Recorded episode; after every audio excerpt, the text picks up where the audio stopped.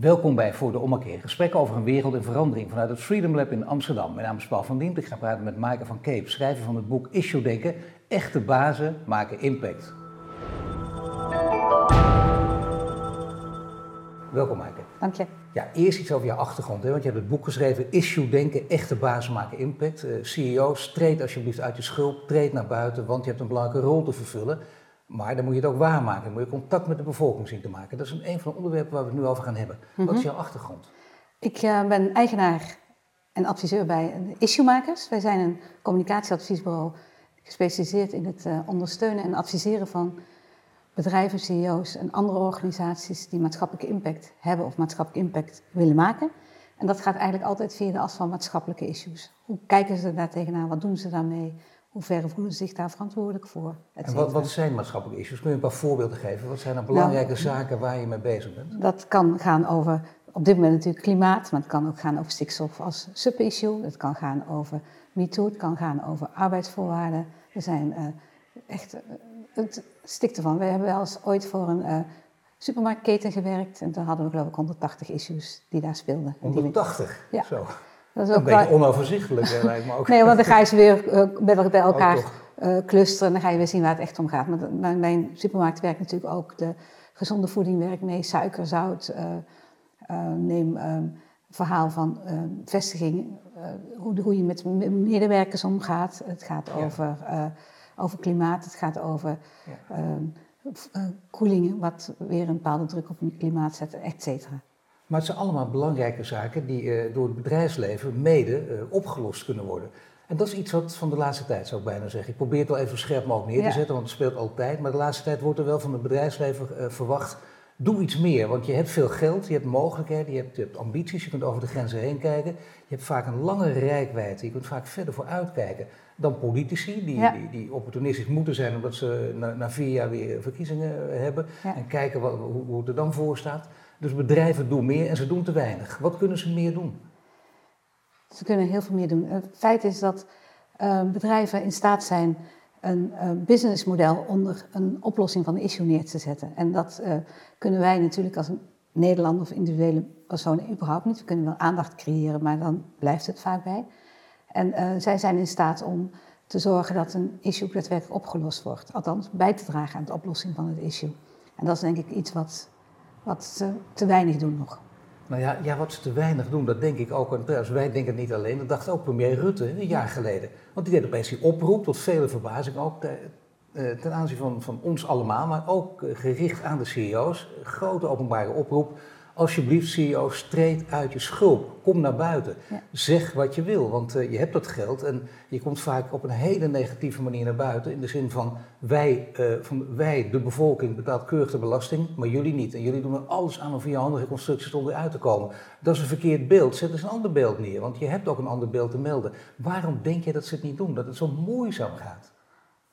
Ik denk dat ze uh, kijk, misschien eerst even vertellen waarom is het zo nodig dat, dat het komt. Zeker. Want als je ziet is dat um, veel um, dat de, de standaard instituties langzamerhand verdwenen zijn in Nederland. Je hebt geen. Uh, de, we geloven niet meer echt in de kerk, we geloven niet. Politiek staat ter discussie. En ook bedrijfsleven staat ter discussie. Vroeger leverde je in feite je diensten en dan vertrouwde je gewoon dat die directeur alles deed wat jij belangrijk vond. En dat je daar voor jou, voor jou was en zorgde dat, dat er inkomen kwam, dat, het ook, dat je ook kon vertrouwen. Dat is een goede oude tijd, hè? Toen vertrouwden we ook mensen nog. Vroeger uh, waren ze ook veel meer uh, een soort uh, eenheid, eh, de, de, werkgever met alle mensen eromheen die daar werkten. En ehm, het feit is dat we nu, doordat we die directeuren heel weinig kennen, eigenlijk moeilijk is om te weten van wie kan je nou wel of niet vertrouwen. En er spelen zoveel issues waarbij het bedrijfsleven het zij een negatieve rol, het zij een positieve rol kan spelen. En als ja, we zijn ook allemaal wat slimmer geworden. Ook dankzij social media. We kunnen steeds makkelijker dingen opzoeken. We weten steeds meer. Ja. Veel handiger. We laten ons niet meer gewoon eh, alles op de mouw spelen. Dat was vroeger een stuk makkelijker. Klopt. Gaat u rustig slapen, de dominee heeft gesproken. Of de bedrijfsleider heeft gesproken. Ja, klopt. En, en nu vereisen we dus van de... Willen we eigenlijk dat die CEO's ook laten zien hoe ze ergens in staan. En dan willen we ook weer weten, kunnen we jou vertrouwen? Is het, uh, wat jij zegt, is dat iets waar, waar de wereld beter op wordt. Of in ieder geval waardoor ik mijn kinderen ook een redelijke toekomst kan geven. En dat betekent dat ze dat gewoon veel meer moeten gaan doen. En je zou bijna zeggen, uh, er zijn er al, dus uh, die geven het goede voorbeeld. Maar het, het, zijn wel, ze worden vaak de edelingen genoemd. Hè? Paul ja. Polman, uh, voorheen Unilever, de baas van DSM, Fijke Siemensma. En daar houdt het een beetje op. Peter Bakker had je nog van PostNL, ja. die nu met, met, een. World Sustainability Council bezig is. Dat zijn ze. En er komen er meer aan. Ik bedoel, jij en ik kennen ze wel. We kunnen ze allemaal gaan noemen, maar het heeft geen zin omdat de meeste mensen nog niet weten. Maar ze zijn er wel. Nieuwe generatie, laten we zeggen de 40 en 50ers, die ook in de politiek actief zijn. Maar dit zijn degenen die dus meer impact kunnen maken, omdat ze in het bedrijfsleven actief zijn, een verdienmodel hebben, maar ook uh, de, de, maatschappij ten goede willen keren en ook naar buiten durven treden. Dus mm het ook gaan doen. Ben, ben je daar net zo optimistisch over als ik, of niet? Soms wel even. Dan heb je natuurlijk onlangs ook die 181 bedrijven in Amerika die zeggen van, goh, wij gaan ons richten, niet alleen richten op shareholders, maar ook met name op alle andere stakeholders. Alleen ik moet het nog wel zien gebeuren. Want uh, het uitspreken en zeggen dat je iets wil en het daadwerkelijk doen, daar zit nog vaak een hele grote kloof tussen. In de praktijk is inderdaad wel zo dat als ik interviews maak, ook met CEO's, dan zeggen ze het bijna allemaal. Ja, je hebt gelijk, ik vind het ook, ik moet meer naar buiten gaan treden, ik doe het al een beetje, let maar op, het gaat meer mhm. gebeuren. En off the record is dan toch vaak de boodschap, ja, maar we krijgen van onze communicatiemensen te horen, het beste is de verstandigste boodschap is echt, alsjeblieft, blijf buiten de publiciteit. Want als je dat doet, dan ga je ten onder.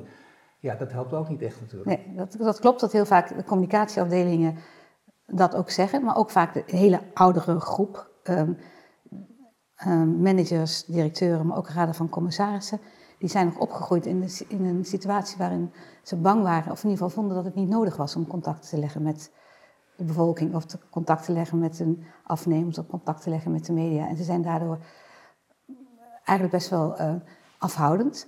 En er is een heel groot sprake van, er is telkens ook nog sprake van cynisme bij journalisten. En dat zie je ook terug, waardoor ze bang zijn dat, um, dat ze ergens op afgerekend worden of dat er toch niet geloofd wordt wat ze zeggen. Ja, die beide kanten zitten daar natuurlijk aan. Hè? De CEO en de communicatiemensen daaromheen die ook denken, doe maar niet. Uh, meestal ook uh, dat, dat, cynisme van die kant heb ik zo vaak ervaren van oh, dat is heel vervelend, maar uh, dan wordt er even geroepen inderdaad een raad van commissarissen. Dan zegt de, de, de, voorzitter roept dan rustig aan, geen probleem, dit waait gewoon over, eventjes ja. stilzitten.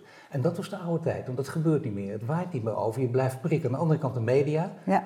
Die uh, altijd, je kunt altijd, in elk interview kun je altijd wel iets vinden om iemand te pakken. Ja. En daar ga je dan de nadruk op leggen en dat ga je uitvergroten. Ja, dat helpt natuurlijk niet. Beide partijen zullen wat dat betreft iets meer tot elkaar moeten komen. Klopt, dat helpt niet. En wat je ook ziet bijvoorbeeld, uh, je noemde net social media rol een issue wat eenmaal op de kaart staat, dat krijg je niet meer weg. Dat blijft er ook. En um, CEO's worden heel vaak bevestigd door het feit dat het over is als ze twee dagen later wordt er niet meer over gesproken, maar het blijft sudderen. En wij vergelijken het wel eens met het uh, roesteffect. Dat het een klein plekje is dat roest en dat blijft telkens een beetje doorroesten. En die fiets blijft staan tot op een gegeven moment er zoveel roest is dat hij uiteindelijk in elkaar geklapt. En dat zie je, heb je natuurlijk bij Shell en de NAM in, in Groningen gehad. En er zijn natuurlijk ook veel andere voorbeelden waar dat speelt. Op een gegeven moment, uh, het, het proces is niet meer te keren. Dus je zult wel iets moeten gaan doen daaraan. Toch heb jij heel uh, jarenlang, al 30 jaar, ook, ook veranderingen gezien. Je zit al heel lang in dit vak. Ja. Je ziet ook veranderingen uh, optreden. Wat, wat, is de grootste verandering voor jou in, in adviezen die je geeft aan bedrijven? dat wij zien, en dat is eigenlijk de, de basis ook van ons bureau toen de tijd geweest, dat we zien dat uh, de samenleving, dat het steeds belangrijker wordt hoe de bedrijfsleven omgaat met de issues die om hen heen spelen. Ja. En, uh, en wat ze daarin, uh, hoe ze daar proactief, maar ook reactief mee doen. Maar mag ik dan, als ik, als ik nou een beetje ja. karikatuur misschien van ja. maar toch om het scherp neer te zetten. Werd je dan misschien twintig jaar geleden gezien als net iets te soft en het klopt niet. En ja. word je nu omarmd omdat je, dat je het juist goed gezien hebt? Dat zou mooi zijn. Wij, uh, wij, wij, zagen, toen wij tien jaar geleden begonnen, werd, omdat het bureau ook issue-makers heette, werden we echt afgemaakt. Van, goh, jullie zijn de probleemmakers. Het grappige was, van issue-organisaties begrepen ons, uh, social business begrepen het ook. En we beginnen nu te merken dat het heel langzaam binnen het bedrijfsleven ook een rol gaat spelen. Dat ze beginnen te beseffen. Maar het duurt heel lang en heel rustig. Ja, omdat het richting oplossen gaat. Dat is nou net waar het over gaat ook. Ja. En daar kan de bedrijfsleven een rol in spelen. Daar kunnen media overigens ook een rol in spelen. Ja. Niet alleen maar verschuilen achter je taak en maatschappelijk maakt me niet uit. Ja, mijn taak is gewoon om dit stuk te publiceren. Nee, denk ook even over alle implicaties na. Dat zou wel handig zijn. Ja, en dan zit je nog echt in de issues waar iets opgelost kan worden. Maar er zijn natuurlijk heel veel issues waar een bedrijf die spelen, waar ze ook een vroeg of laat mee te maken gaan krijgen. En ik vind het mooiste uitspraak die op een gegeven moment Rutte op een gegeven moment deed, van dat hij zei van bij Groningen, het was een crisis in slow motion. En dat is eigenlijk wat wij doen, althans wat wij proberen te voorkomen, is dat je ziet dat een issue heel langzaam naar een crisis toe kruipt. En als je achteraf kijkt, dan denk je van, oh, het is echt slow motion. Er zijn zoveel momenten dat je wat had kunnen doen. En al die momenten wordt er niks gedaan. En op een gegeven moment worden we dan gebeld, we hebben een crisis. Dan zeggen van, ja, sorry, jullie hebben een crisis, maar eigenlijk hebben jullie een heel slecht gehandeld Okay, nou, laten we, gaan, laten we het dan hebben over, over de, de, de witte raven, die het, die het de boodschap van Rutte van jou eigenlijk ook oppikken, die namelijk wel naar buiten treden. Alleen, uh, ja, dat is dan weer bijvoorbeeld, heel, heel, er gebeuren ook onhandige dingen mee, die worden ook uitvergroot. Paul Polman bijvoorbeeld, prachtig boek van Jeroen Smit, daar zie je ook in hoe die man werkelijk denkt, wat voor enorme eh, stappen die heeft durven nemen, die anglo-saxische wereld natuurlijk ook, portaalcijfers af te schaffen, dat alleen al, en er is veel meer over hem te zeggen. Maar ja, uh, niks menselijks is hem ook vreemd. En dan ging het over dividendbelasting. En uh, toen kwam er toch een beetje het verhaal, oh dat kunnen we onderling wel even regelen. Toen gingen ze mm ook in die geblindeerde busjes later, uh, de AEX-club, die ging naar, naar, naar, Rutte. Bleek later ook weer dat die busjes toevallig zo waren gekozen, omdat er geen andere waren. Dus puur praktisch, maar ja, wel wat een onhandig beeld. Moet jij het er ook als communicatiedeskundige heel raar vinden en verbazingwekkend. Maar Polman uh, schoot uit hè, tegen, tegen zo'n AD-journalist. En het was echt in zijn wiek geschoten en boos, omdat hij even vermoeid dat hij slecht had geslapen. En dat zijn natuurlijk moeilijke momenten. En je kunt 24 uur je hoofd keurig recht houden in de Tweede Kamer als Kamerlid. Een heel lang debat en één moment gaap je en dat moment wordt er uitgepikt en zie je wel, hij zit verveeld toe te kijken. Dat moment was het ook en zo. vind je dat, dat het toen verkeerd op Polman gereageerd is of heeft Polman ook daar te arrogant gereageerd? Ik heb het interview onlangs teruggelezen wat hij met AD heeft gehad. En eigenlijk um, valt het eigenlijk wel mee wat hij zegt. Want hij, gaat ook heel erg in op dat sms'je, dat hij per sms heeft opgezegd. Dat, wat hij zegt, ik heb om zes uur s ochtends een sms gestuurd naar Rutte om te vragen wanneer kan ik je bellen. Wat op zich een heel logisch traject is. Ik ga niet om zes uur een minister-president bellen. Alleen, het is, en daarna heeft Rutte hem gebeld en hebben ze een uur aan de telefoon gezeten. Dus Alleen het sms wordt dan in alle publiciteit meegenomen, want dat, dat klinkt leuk, dat is spannend. En eigenlijk het feit dat hij een uur heeft zitten praten en dat Rutte begreep wat er aan de hand is, dat is een heel ander verhaal. Nee, zeker, dat is de inhoud. Maar daarnaast, uh, juist jij weet, dat is communicatiedeskundige, dat heeft ook met, met, met, toon te maken. En dat het idee was natuurlijk dat hij uitviel tegen een AD-journalist. Ja. jullie journalisten begrijpen er niets van, nee. dat houdingje. Ja. Daar kun je dan weer niet tegen. Dat, dus ik zou zeggen, daar moet je ook mee oppassen. Ja, ik, ik merk het ook wel eens hoor. Want eh, stel, ik heb het wel eens met een journalist over uh, Unilever gehad en over handhygiëne. Hè. En wat zij doen is in, in derde wereldlanden heel erg uh, inzetten op het feit dat kinderen hun handen moeten wassen omdat Polman aangeeft dat er eigenlijk drie dingen zijn die van belangrijk zijn voor het, het, het helpen van kinderen in derde wereldlanden. Dat is enerzijds uh, geen ziektes, uh, voeding en uh, water. Ja. En dat zijn toevallig drie werkgebieden waar hij ook actief was met Unilever. Dus op het moment dat dat met iemand, welke journalist dan over hebt, zei ze ja, het is heel gemakkelijk. Het is, het is, hij verdient er geld mee. En dat is wat er altijd gebeurt. En op het moment dat je er geld mee verdient, zou het niet mogen. Terwijl ik denk, juist dan heb jij de mogelijkheden om iets te doen. Nee, maar dat is het juist, ja. het verdienmodel ja. aan. Dat, dat is een nieuwe manier van denken. Je zou bijna zeggen, die zouden links en rechts mogen omarmen. Dan zouden, dan zouden degene die, die, die gewend zijn aan het verdienmodel dus ook vaker naar buiten moeten treden. Dat is namelijk het idee. Waardoor we vertrouwen is er weten wat ze doen. Geen schimmige constructies. Niet van wij hoeven verder niks te doen. Jullie bevolking moet wel alles doen. Wij staan boven de wet. Dat verhaal moet weg en niet meer uh, alles bedisselen in achterkamertjes. Als dat uh, tot elkaar kan komen, ja kijk, dan heb je, dan heb je een communicatiebureau, dan heb je, dat, met, met, impact zou ik bijna zeggen. Ga jij dat nog meemaken, dat, dat, dat we deze ideale wereld creëren? Ik hoop het. En, en, ik zal er ook alles aan doen om het te blijven, uh, die vragen te blijven stellen bij bedrijven. Maar je ziet wel dat, dat, dat er dan nog wel heel veel dingen moeten veranderen. Ook binnen, be, nou, binnen bedrijven is er natuurlijk een hele gesloten, um, gesloten cultuur. En mensen zijn heel erg bezig om te kijken van wie, heeft hier, wie wordt hier aangesproken op het moment dat ik iets naar buiten breng? Is dat dan mijn baas of de baas van mijn baas? En wat betekent dat dan voor mij? Terwijl, uh, ik heb één keer, pas geleden een keer van het bedrijf gehoord en die zei, we hebben het omgedraaid. We hebben gezegd van, we gaan het niet meer over hebben waar we tegen zijn, we gaan het over hebben waar we voor zijn. Ja. Krijg je een totaal andere cultuur in zo'n bedrijf. Heel andere uh, energie, een andere manier van omgaan met elkaar. En dan wordt het, dan, dan kun je gaan bouwen met elkaar. En dat is denk ik wat... Dat gebeurt ook af en toe natuurlijk. En zelf ook het voortouw nemen. Ik bedoel, uh, Tesla met de elektrische auto's, natuurlijk kun je ook allerlei haken en ogen. Maar dat, zijn, dat zijn wel zaken. Albert Heijn noem je in je boek ook, hè, die, die, die, zeggen eh, minder producten met suiker in de schappen leggen. Dat zijn allemaal zaken die, die doen ze ook omdat ze vinden dat het bij de maatschappij hoort. Maar ook omdat ze weten dat ze uiteindelijk, uh, zeker op termijn, ook meer gaan verdienen. Ja, en dat is op zich niet erg. Nee, in daar, daarvoor Dan zijn ze. je dus wat je wil. Ja. En, en dat, maar daarom is het wel belangrijk dat je snapt waarom zo iemand die keuzes maakt. Waarom dat bedrijf die keuzes maakt. En daarvoor is het belangrijk dat je ook die mensen nu dan een verhaal hoort vertellen.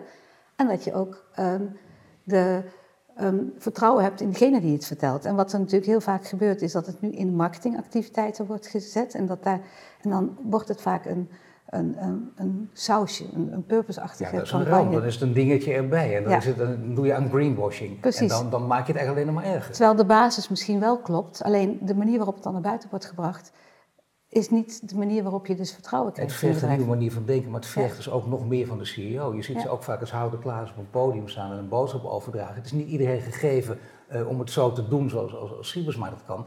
Maar je kunt het wel benaderen natuurlijk. Hè. Je kunt gewoon Ja. oefenen. Je kunt gewoon eh, door een paar keer eh, misschien even onderuit te gaan of, of achter de schermen flink te oefenen. Kun je toch gewoon dat niveau in ieder geval benaderen. Ja, je ziet dat ook mensen vaak weer overtraind worden. Dat gebeurt ook. Van, Ja, ik, ik zou die, zo, veel, van die CEO's zou ik ook zelfs willen horen hoe ze met hun kinderen en de kleinkinderen praten. Dan hebben ze waarschijnlijk een andere manier van formuleren en dan zijn ze veel vrijer. En het feit is, omdat ze zo getraind zijn in het kader van kernboodschappen, wat je wel en niet mag zeggen, wanneer je wat moet zeggen. Ehm tuurlijk, dat is belangrijk, maar het moet niet overheersend worden. En anders krijg je van die situaties, wat toen de tijd die directeur van Blokker ook had, dat hij zo doorgetraind was, dat hij, je zag hem denken van oké, ik moet nu kernboodschap 1 formuleren. En, dan, en dat is gewoon afgrijzelijk. Voor hem zien we politici ook ten Ja. onder gaan natuurlijk. Hè? Die Ja. gewoon, eh, dat, dat wordt elke tien minuten gemeten. Als je dit antwoord zo en dit, dan gaan we al de video terugkijken. Nu deed je zo, nu ging je hand zo. Dan word je gek natuurlijk, Ja. dan kun je niks meer doen, dat Dus- snap ik. Maar ik bedoel wel oefenen in de zin van gewoon naar buiten durven treden, dat je daar niet meer, niet meer bang voor bent. Ja, en een visie durven te formuleren. Want dat is natuurlijk best ook Ja. wel eng in Nederland. Ja. En, en daar worden ook niet op getraind. Amerikanen worden daar meer op getraind dan Nederlanders. Gewoon echt een visie en dat te formuleren en argumenten voor te bedenken. En daar dan ook proberen eh, Ja. enigszins aan vast te houden, Ja. koersvast te zijn. En ik hoor een geweldige uitdrukking, koersvast en toch flexibel. Dat lijkt niet eh, met elkaar in overeenstemming, het, het, kan bijna niet anders. Maar dat de rode draad helder Klopt. blijft dat het duidelijk is. En dat je niet denkt, oh die wisselt elke twee jaar van mening. En niet alleen maar, eh, met- alle respect, want Rutte met zijn energie en kijk eens wat hij voor elkaar krijgt. Maar ook aan de andere kant de veelgehoorde kritiek van alleen maar de manager. En nu willen we iemand hebben die, waar wat meer in zit dan dat. Een andere Mhm. tijd vraagt er ook om. Ja, klopt. En eh, je ziet eh, in Frankrijk bijvoorbeeld hebben ze nu een, een feit dat ook bedrijven verplicht worden hun bestaansrecht onder woorden te brengen. Uit te leggen wat hun, waarom ze in de wereld zijn en wat hun maatschappelijk belang is. raison d'être, ja. Dat, dat daar ook een maatschappelijke reden waarom ze bestaan beschreven moet worden. Zodat iedereen ook weet waar ze voor staan, ja of nee. En ik denk dat in Nederland gaat dat ook komen. En dat is denk ik waar bedrijven nu gewoon alert op moeten zijn. En waar ze moeten beseffen dat ze... Maar dat zullen veel mensen dan ook weer afdoen als nou dat is aardig. Dan schrijf je dat op in je jaarverslag op de laatste pagina. En dan is dat een, een, een- leuk, tussen aanhalingstekens, ook nog denigerend bedoeld vaak in stukjes, een filosofisch stukje. Terwijl dat juist serieuze filosofie zou Ja, maar je ziet dat de jongere generatie dat niet meer accepteert. Dat het Nee. alleen maar eh, greenwashing of alleen maar aan de buitenkant. Die, die, die lezen dat en die zullen daar ook veel meer bedrijven, het zij als consument gaan ontwijken of als eh, eh, medewerker daar niet meer vertrouwen in hebben. Want daar, daar wil je niet meer, mee te, mee te- eh, wil je niet meer voor werken. En dat speelt natuurlijk nu steeds meer. Dat heeft er ook mee te maken, Ja. de beste mensen aantrekken. Een voorloper in dit proces, heb je in je boek ook beschreven, is Michael Porter, hè? Ja. Amerikaanse hoogleraar, eh, Ja. Harvard-hoogleraar, die het heeft over oplossingsgericht denken en over, eh, over met name de rol dus die je bedrijfsleven moet spelen. Kun je iets meer daarover vertellen? Wat hij zegt is van die angst moet eruit uit bedrijven. En eh, weet dat, eh, wat we net ook al zeiden, dat elk bedrijf ehm, in staat is door middel van een. Dat eigenlijk alleen bedrijfsleven in staat is door middel van ehm businessconcepten, businessmodellen, een versnelling aan te brengen in het oplossen van een probleem. En op het moment dat we dat niet doen, dan betekent dat we afhankelijk worden op een gegeven moment van social business en allerlei andere bedrijven die uiteindelijk wellicht over 100 jaar of 150 jaar Ja. eh, een oplossing zover krijgen. Maar we hebben grote bedrijven nodig. En dat zie je bijvoorbeeld ook bij Tony Chocoloni, die eigenlijk ook zegt van op het moment dat daadwerkelijk slaafvrije chocola wil hebben of de vegetarische slaag om dat werk, daadwerkelijk vegetarisch ingebeurd te hebben, heb ik gewoon die grote bedrijven nodig. Ondanks het cynisme wat daar ook weer uh, hen ten deel valt, is dat nou ja, omdat, nou ja, cynisme soms ook, en, en zij, zij durven ook uh, aan, ja. kritiek, ja, kritiek bloot te stellen. Want ik bedoel, als je dan met een groot verhaal komt, vind ik ook, moet je het waarmaken. Dat, dat, dat, vind ik iets heel anders dan cynisme, dan, dan is kritiek ook volkomen terecht. Maar je moet niet dan daarmee het hele bedrijf van overbranden. Nee. Een bedrijf is al zo duidelijk om naar buiten te komen, ja, dan gaat er ook wel eens iets niet goed inderdaad. Klopt. En dan, dan moet je vooral kijken of, of het ze lukt om, om het verder om, om de handschoen op te pakken. Dat zie je natuurlijk bij heel veel bij grootste bedrijven, die zijn heel bang om iets naar buiten te brengen wat nog niet helemaal door tot 100% afgeregeld is. Dus die, uh, die zijn bang om gedurende het proces al te vertellen waar ze mee bezig zijn. Met gevolg dat ze dus daarom 10 jaar, 15 jaar duiken of een andere. Um, of vluchten. Of vluchten of, of, afschuiven naar belangengroeperingen, et cetera. Terwijl we eigenlijk zitten te wachten als Nederlander om, op het feit dat die, dat die CEO vertelt van... goh, ik ben hier en hier mee bezig, dat en dat, die kant ga ik uit. En over vijf of over tien jaar ben ik zover dat, jij, dat ik dit kan bereiken wat ik nu wil bereiken. En daar zitten we met z'n allen op te wachten. Zeker, zitten op te wachten, maar dan wil je dus wel graag ook uh, de, voorbeelden hebben, de voorbeelden van dit moment. Je zegt in Frankrijk wordt er flink aan geschaafd, van dat, dat, dat, je resondeert neerzetten. Dat is niet zomaar iets voor de vaak, dat moet je, daar kun je echt aan gehouden worden. Maar wat betekent het dan als je je daar niet aan houdt? Wat dan? Waar word je dan op afgerekend? Dat, uh, in Amerika zijn er onderzoeken, veel onderzoeken bekend. In Nederland is het kleintje alleen, waaruit blijkt dat uh, consumenten en medewerkers gewoon jou gaan mijden. Dat ze niet meer bij jou kopen, niet meer bij jou willen werken of weggaan. En dat is bij de, de groep die, die, de millennials en de groep die daarna komen, die zijn daar veel kritischer ja, over. Ja, dan zijn dus de harde cijfers toch van belang. En dat vinden mensen dan wel heel goed om te zien. Want kijk eens even, het is namelijk echt zo. We denken dat niet of je hoopt. Het is geen wishful thinking van degene die hopen dat het de goede kant op gaat of een andere kant op gaat. Je ziet ook dat mensen zich uh, van, van, je afkeren. Daar komt het uiteindelijk op neer. Dus ook de beste mensen niet meer bij jou in dienst zullen treden. Dat is in ieder geval iets. Kun je zeggen, uh, dat, heeft, uh, dat heeft met meerdere partijen te maken. De kennisinstituten moeten samenwerken met overheden, ehm, met, met de grote bedrijven. Dat is een ideale constructie natuurlijk. Hè? Dat ieder met elkaar en kijkt even, wat is jouw taak? En dat is jouw taak daarin. Denk je dat daar een beweging in zit? Je ziet het ontstaan, maar wat je we zijn in Nederland ook. Je hebt natuurlijk die tafels gehad, maar er zijn natuurlijk in het verlengde. De akkoorden die op tafel zijn afgesproken, maar je ziet ook aan de onderkant ontstaan steeds vaker allianties waar mensen met elkaar aan een oplossing werken. Het, wat er wel jammer is, is dat organisatiebelang zo belangrijk is in Nederland. Dus iedereen is toch nog in zijn achterhoofd bezig met het belang van zijn organisatie. Wat, wat krijg ik ervoor terug? Wat betekent dit voor mij? Wat betekent dat voor mijn CEO? Wat betekent dat voor mijn belangenorganisatie? Waardoor het eigenlijk het maatschappelijk belang altijd nog ondergeschikt is. Ja, je zegt steeds voor Nederland. Hè? Is, is, Nederland hier echt een, een, uitzondering in of is Nederland anders dan andere landen? Nee, ik, ik, maar ik zie, overzie vooral de Nederlandse situatie. Je ziet bijvoorbeeld in Amerika um, is er, zijn een aantal dingen wel iets anders al dan in Nederland. Bijvoorbeeld in Nederland uh, ken je bijna geen CEO-activisme. Uh, dus activistische CEO's, behalve dan de twee die jij noemde. In Amerika is het al veel normaler dat een CEO zich uitspreekt en zegt van ik, ik sta hier voor... maatschappelijke kwesties. Of maatschappelijke dus kwesties. als het gaat over racisme, wat in ja. Charlottesville toen, ja. dat heb je ook in je boek beschreven, dan zijn de grote CEO's zich inderdaad over die kwestie uitspreken. En dan zijn er dus geen communicatiemensen daaromheen die zeggen, oh dat moet je niet doen, kijk uit, want dat kun je inderdaad ook. Ze eh, zeggen het misschien wel, maar ze krijgen geen, hebben niet voldoende invloed daarin om dat tegen te houden. En dat zie je in Nederland nog weinig, dat echte CEO's ook een stap vooruit durven te zetten en zeggen van, goh, ik sta hiervoor, hier geloof ik in, hier wil ik achteraan. Dat zijn de mensen, dat is, dat is waar, maar dan moet het ook, ook, toch wel een echt serieuze doorleefde boodschap zijn, anders krijg je wel onmiddellijk, ik denk de terechte kritiek van bedrijven worden politiek correct en dat wil je natuurlijk ook niet. dat, dat, dat, zie je dan ook, dan gaan ze echt uh, om een hele verkeerde redenen, net of ze heel netjes zijn. Kijk Facebook, kijk naar Google, dit, dit bericht plaatsen we niet, dat doen we ook niet waardoor de vrijheid van meningsuiting totaal overboord gooit. Ja, dat ook. En wat je ook heel vaak ziet, uh, is dat het om de kleine issues gaan. Zoals uh, inclusiviteit of wat, wat je nu ziet rondom de Pride, wat heel veel bedrijven zich aan verbinden. Ja. En dat de grote issues, waar ze daadwerkelijk wel invloed op hebben, dat, dat ze zich daar niet echt heel erg snel mee profileren. Wat zijn de grote issues? Want het nou. leuke is, er zijn wel trends natuurlijk. Hè? Het punt is, er zijn er zoveel dat we, ook al, ook al zouden we echt uh, nou ja, deze uitzending nog veel langer maken, daar hebben we ook geen tijd voor. Maar wat zijn ze volgens jou? Nou, op dit, dit, op dit, moment is in ieder geval klimaat is een, echt een, een, een, van de grootste issues met alles wat er om, onder zit. Daar, zit, uh, daar komt uh, ook het vertrouwen in de samenleving tussen de Randstad en de rest van Nederland ligt daaronder. Ja. En dat zie je ook heel erg terug. Maar ook tussen de kloof tussen hoog en laag opgeleid. Er zitten heel veel elementen die daarin terugkomen. Maar je zou die klimaatdiscussie iedereen wil het woord moeten geven. Geven zelfs ook, of zelfs ook, ook de klimaatskeptici. Iedereen hier laten meedenken. Precies. En, en ook kijken van, goh, wat kun jij betekenen in dit, in dit issue om dat wel of niet op te lossen. Eh, maar je moet wel met elkaar eens zijn dat er ergens een, een, een probleem is wat opgelost moet worden. Op het moment dat je het daar helemaal niet met elkaar eens bent dan, uh, dan komen ze toch wel aan de orde. Dat is niet de dingen, maar daar kun je, daar kun je dan geen oplossing voor. Maar het is wel interessant in dat hoofd- en bijzaken onderscheiden. Ja. Dus uh, wat zijn de grote? Ik noem er toch even een paar. Uh, door het World Economic Forum in 2017 opgesteld. Ja. Klimaatverandering natuurlijk, groeiende middenklasse in de opkomende economieën, ja. groeiend aantal chronische ziekten, toenemende polarisatie, ja.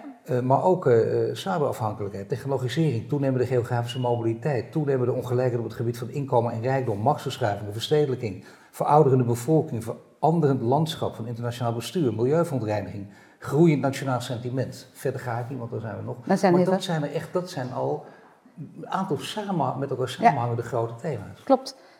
Cybersecurity, privacy is natuurlijk afgelopen jaar niet van de agenda ge gekomen. Uh, de polarisatie, maar die heeft heel veel verschillende vormen. Er zitten heel veel sub-issues onder. Het is niet alleen uh, arm-rijk, het is ook Randstad versus rest van Nederland, hoogopgeleid versus laagopgeleid, mannen tegenover vrouwen, uh, kleur tegenover niet-kleur. Eigenlijk al die elementen spelen daar allemaal in. Waardoor je uiteindelijk terugkruipt uh, in je eigen schulp. En kunt ja. zeggen van, en, en, en, inderdaad steeds de andere kant verwijten, ho ho, je mag mij niet aanvallen, ja. want je weet niet hoe ik denk. En, en, en daar is Communicatie, dus, oh, weg, is op ja. dit moment al weg. En het enige wat echt werkt in, in, in dit soort issues is dat je luistert naar elkaar en dialoog aangaat. En vooral luisteren is heel belangrijk. En dat zie je dat, dat mensen heel vaak um, in, een, um, in een issue, als iemand wat vertelt, zit iemand al heel erg na te denken wat hij daar tegen in kan brengen. En dan luistert hij dus niet meer naar wat diegene echt het werk te zeggen heeft. En probeert hij niet mee te denken met die persoon zelf. Om te begrijpen wat het probleem is. Ja, dat hij dan dat vereist een speciale techniek inderdaad. En niet alleen ja. maar de handige debattechniek kijken of je hem eruit kan halen, maar gewoon inderdaad proberen op elkaar samen te komen maar niet polderen. Want dat is weer wat anders natuurlijk. Ja, hè? Ja. De polderaars hebben het ook altijd gewoon gezegd. Goed ja. luisteren. Dat bedoelen ze met goed luisteren, dat je heel goed hoort wat ik zeg. Ik leg het jou nog één keer uit. Ja, en dat is, onderhandelen, dat is onderhandelen, dat is niet luisteren. Nee, en, en het uh, grappige is, als je echt um, luisteren, betekent ook daadwerkelijk um, kijken, met iemand meedenken eigenlijk. En dat is luisteren. En dat is niet kwestie, dat is deels techniek, maar deels ook gewoon uh, de wil om even al is het maar vijf of tien minuten je mond te houden en iemand anders zijn verhaal te laten vertellen. En dat is toch best ingewikkeld. Ja, dat is heel ingewikkeld. Er zijn zelfs voorbeelden van bekende psychologen. Daar heb ik ook wel eens goed over nagedacht. Je zit met z'n tien om de tafel en er is er één die niet zo goed uit zijn woorden kan komen. Dat is heel lastig. Ja. Dat is ook niet uitzendbaar bijvoorbeeld. Maar nee. ja, het is wel belangrijk misschien wat zo iemand te ja. vertellen heeft. En die zou het ook kunnen vertellen. Ja. Je hebt misschien een heel interessant verhaal. Ja. En dat kun je op allerlei manieren toch oplossen. Dat vereist inderdaad enig geduld, ja. Voor mensen als wij bijvoorbeeld, die misschien willen dat... dat die al aan het invullen zijn en de zin nou, ja, goed, maar dat, dat is toch lastiger. Maar dat zou je dus ook, dat iedereen letterlijk zich gehoord voelt. Dat, klinkt, dat heb ik ook. Dat lijkt dan heel erg flauw, soft verhaal, maar dat is in feite de essentie. Ja. Het op neerkomt. Ja. Zijn, het bedrijven, zijn bedrijven, want je, hebt, je leeft ook al in een snelle wereld en je moet ook op een gegeven moment tot oplossingen komen. Zijn bedrijven hiertoe ook bereid om dat te doen? Om de tijd te nemen om te luisteren? Uh, sommige wel, sommige niet. Ik denk dat het bij de jonge ondernemers vaker al, of jonge bedrijven vaker al gebeurt dan bij oudere bedrijven. Of de, maar en, en dat ook binnen oudere bedrijven wel een aantal jongere mensen zijn die daar ook al vanuit hun studie, vanuit hun achtergrond, vanuit hun eigen persoonlijke visie, hun eigen persoonlijke passie al sneller die stap kunnen zetten. En dat zie je dus ook bij een Fijke Cijbersma die misschien ook al wat vaker luistert en kijkt om zich heen en, en luistert en probeert te besnappen wat andere mensen willen en betekenen en willen doen. En, en daar gaat het om. Het is letterlijk uh, empathisch vermogen, niet in de zalvende zin, maar gewoon je, ook je kunnen ja. verplaatsen naar een ander. Dat maakt het luisteren een stuk makkelijker. Er komt nog eens bij kijken, namelijk uh, kwesties blijven, uh, gaan niet, niet zomaar meer weg. Nee. We hebben het gezien bij die bonuskwestie natuurlijk, bij ING normaal gesproken was het ook een, een, hele slimme, cynische, maar goed, dat was een slimme, waarschijnlijk ook een slimme communicatiewetenschappers gegeven advies. Even je mond houden, over twee weken is het voorbij. Daar bleek het niet voorbij. De discussie gaat op de dag van vandaag door. Bij MeToo, dat zijn denk ik twee kwesties die totaal verkeerd zijn ingeschoten oude communicatiemensen. Die zien, hadden niet in de gaten dat het maar doorging. Ja. Heb jij zelf ook een, een, omslag gemaakt in je denken? Of had jij dit meteen 30 jaar geleden al in de gaten? Nee, nee, dat is denk ik. Um, Dat is te veel eer. Dat is te veel eer, dat is ook niet, denk ik. ik wat ik wel merkte, ik heb ehm, in, het, in het begin van mijn, toen ik bij een ander bureau werkte, heel veel te maken gehad met farmaceutische bedrijven. En daar heb ik toen eigenlijk wel een aantal keren dit meegemaakt, dat ik dacht van, maar dit is geen goede keuze die je maakt. En ehm, dat was bijvoorbeeld een, toen de tijd toen het geneesmiddelenvergoedingssysteem werd afgesproken, heel lang geleden. Toen zat ik daarna bij een directeur van een, van een groot bedrijf en ik zei van, goh, dat betekent voor jullie een andere aanpak, andere dingen. Toen zei hij, nee hoor, ik denk toch niet dat ik me daaraan ga houden, want dat mag niet van internationaal en dat kan niet, et cetera. Hij had heel veel bezwaren komen. Bezwaren en dingen. En toen dacht ik van ja, dus in dat opzicht ga je toch je eigen gang. En, en op dat moment zijn wij echt wel gaan kijken van waar, waar gaat het eigenlijk om. Een ander voorbeeld was wat langer geleden, was ook bij een, um, bij de, was meer een organisatie die te maken had met um, amateurkunst.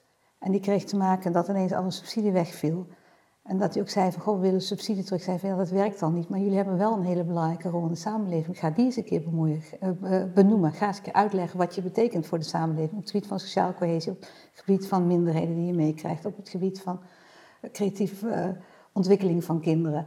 En als je dat omschrijft, heb je een heel ander speelveld waar je mee te maken hebt. En dat, dat zijn allemaal dingen die je voeden en dat je een andere manier van denken aan ja, uiteindelijk natuurlijk, zeker. Dan, dan, maar daar heb je dus iedereen voor nodig. Hè? De communicatieafdelingen, iedereen in het bedrijf, niet alleen de CEO, maar wel het boegbeeld dat nu af en toe in de kast blijft zitten, ik zou bijna letterlijk zou willen zeggen, en dat meer naar buiten moet rijden, op een podium moet gaan staan. Klopt. Hoe kun jij daar, vanuit jouw professie, hoe kun jij daar invloed op uitoefenen? Wij blijven ze um, triggeren, we blijven ook aangeven dat dit belangrijk is. We zullen elk podium waarop we het kunnen vertellen, zullen we het vertellen. We zullen ook uh, in onze plannen ook duidelijk maken van, goh, je moet hier iets mee.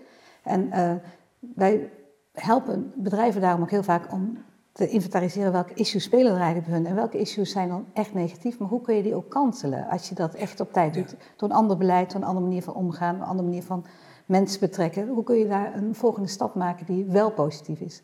En wat je nu heel vaak ziet op het moment dat er een negatief issue dat is, dat bedrijven direct de luiken sluiten, onder tafel kruipen en hopen dat het overwaait of dat het bij de concurrent naar boven komt en niet bij hen.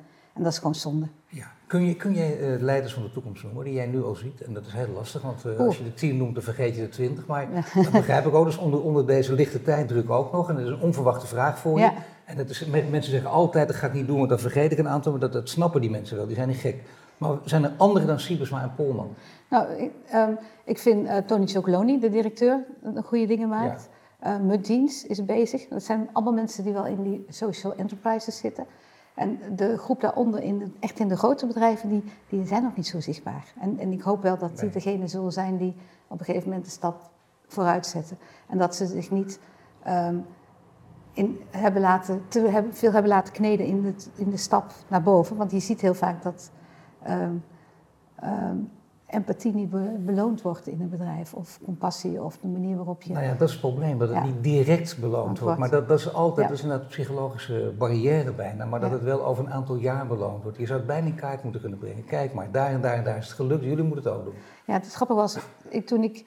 Uh, de, de, huidige directeur van ING, toen ik daarover hoorde... Toen hij nog veel lager in de organisatie is, hoorde ik hele positieve verhalen over hem. Echt ook, ook met name over gevoel voor werknemers, gevoel voor de samenleving, et cetera.